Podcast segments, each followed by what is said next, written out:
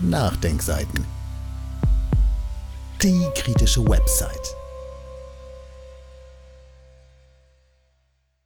Auch sicherheitspolitisch ist die AfD ganz sicher keine Alternative. Von Jens Berger. Immer wieder suggerieren die Medien direkt oder indirekt, dass die AfD gegen die NATO und für eine Entspannungspolitik und friedenspolitisch progressive Ansätze sei.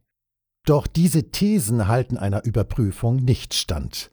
NATO-Kritik kommt in der AfD nur von einzelnen Parteimitgliedern, sicher abgesprochen mit der Parteiführung, um NATO-kritische Wähler zu angeln.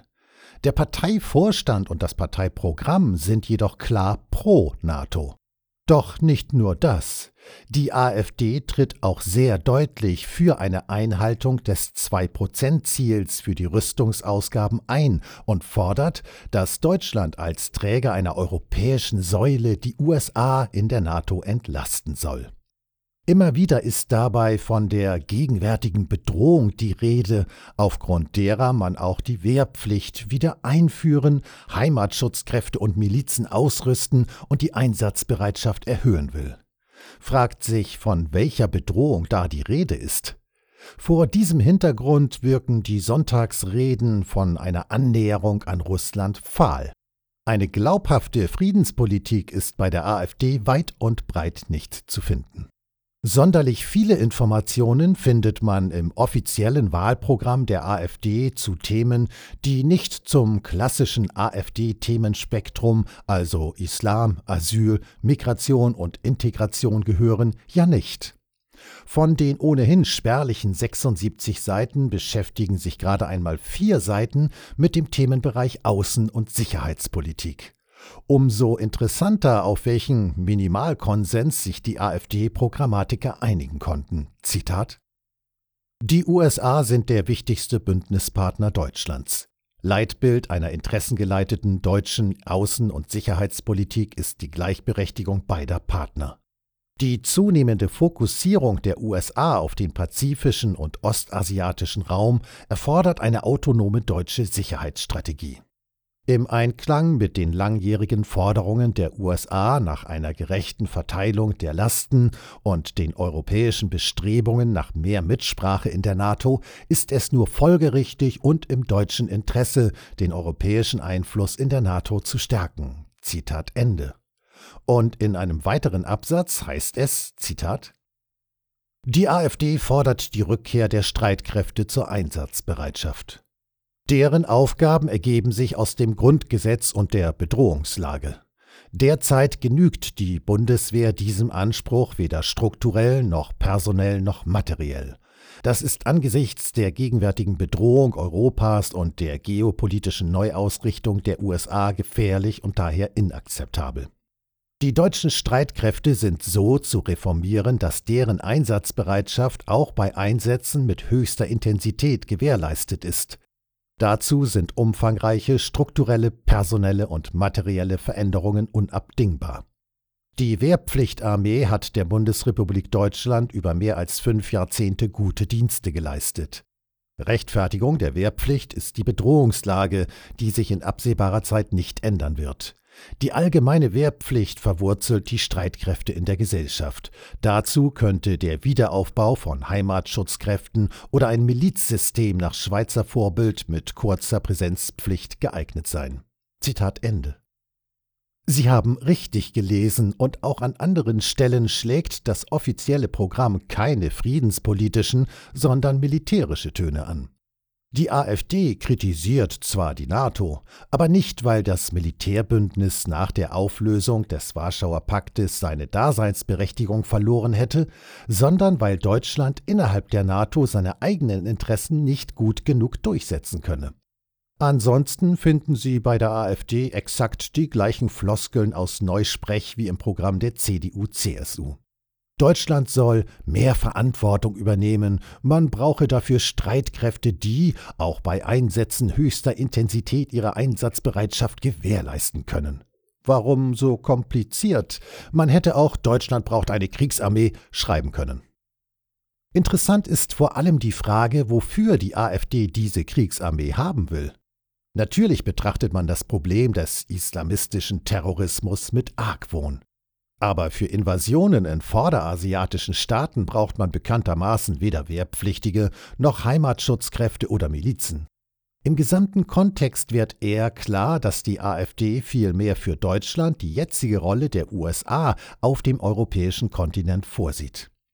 An gleich mehreren Stellen ist davon die Rede, dass die USA sich ja nun auf den pazifischen und ostasiatischen Raum konzentrieren, was bei der AfD interessanterweise nicht auf Kritik stößt und die NATO daher nur dann ihre Aufgaben erfüllen kann, wenn die Neuausrichtung der US-Interessen ausgeglichen wird. Und wer außer Deutschland käme dafür in Frage? Vor diesem Hintergrund lesen sich auch Meldungen über die AfD anders. Die AfD kritisiert Auslandseinsätze der Bundeswehr? Ja, aber nur weil die Bundeswehr dafür nach Meinung der AfD nicht gut genug gerüstet ist. Die Bundeswehr muss dringend konsolidiert werden, sie braucht mehr finanzielle Mittel, so AfD-Vize Georg Pazderski. Dann klappt es auch mit dem Krieg im Nordirak. Pazderski, der im AfD-Vorstand offenbar die Rolle des inoffiziellen Sprechers für Sicherheitspolitik eingenommen hat und in dieser Funktion auch in die Belle Etage der deutschen TV-Talkshows eingeladen wird, verkörpert auch ansonsten nichts, das an einen progressiven Friedenspolitiker erinnern würde. Der Oberst AD war auf NATO-Ebene einer von drei Leitern einer internationalen Planungsgruppe aus Ländern, die an der völkerrechtswidrigen Operation Enduring Freedom teilgenommen haben.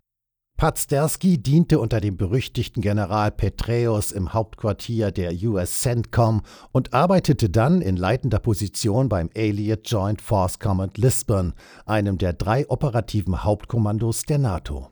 Pazterski kommt also nicht nur vom Fach, er kommt mitten aus den zentralen Strukturen der NATO und ist als Mitglied des nationalliberalen Flügels der AfD schon heute ein Hoffnungsschimmer für Unionspolitiker, die auf eine Koalition mit der AfD schielen.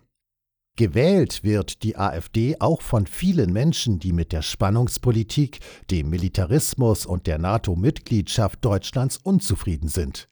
Vertreten werden diese Themen innerhalb der AfD jedoch von lupenreinen Anhängern des deutschen militärisch-industriellen Komplexes. Neben Pazderski wird das Thema Sicherheitspolitik von Rüdiger Lukassen, der zudem als Obmann der AfD und Sprecher des Verteidigungsausschusses im Bundestag ist. Lukassen war früher als Oberst im Generalstab unter anderem als Referent bei der NATO tätig. Auch Lukassen will vor allem den Rüstungshaushalt erhöhen und kritisiert daher auch die Skepsis der SPD an der 2-Prozent-Marke mit harschen Worten.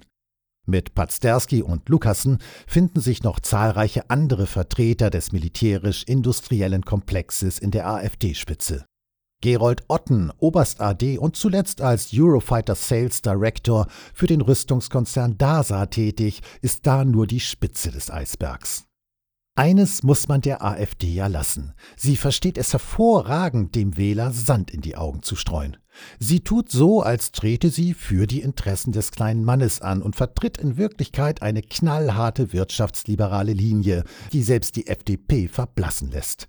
Sie tut so, als sei sie für eine aktive Friedens- und Entspannungspolitik und gegen die NATO und vertritt in Wirklichkeit eine Politik der gnadenlosen Aufrüstung und Stärkung des militärisch-industriellen Sektors, um Deutschland zu einem noch wichtigeren Teil der NATO zu machen. Und Russland? Vergessen wir das Thema lieber.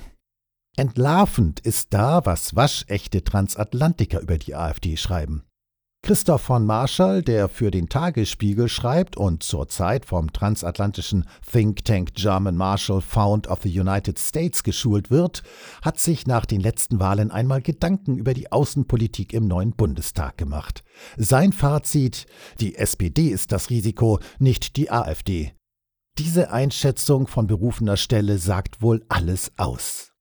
Auf unserer Website www.nachdenkseiten.de finden Sie innerhalb des Artikels zahlreiche Verlinkungen zum Thema. Dieses Audio konnte nur entstehen, weil zahlreiche Leser und Leserinnen die Nachdenkseiten fördern und durch Spenden unterstützen. Wenn Sie auch etwas tun wollen, klicken Sie einfach den entsprechenden Button auf unserer Website an.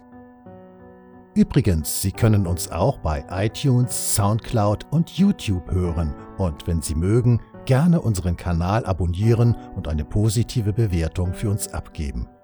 Wir freuen uns über Ihre Unterstützung und die Weiterverbreitung unserer Inhalte.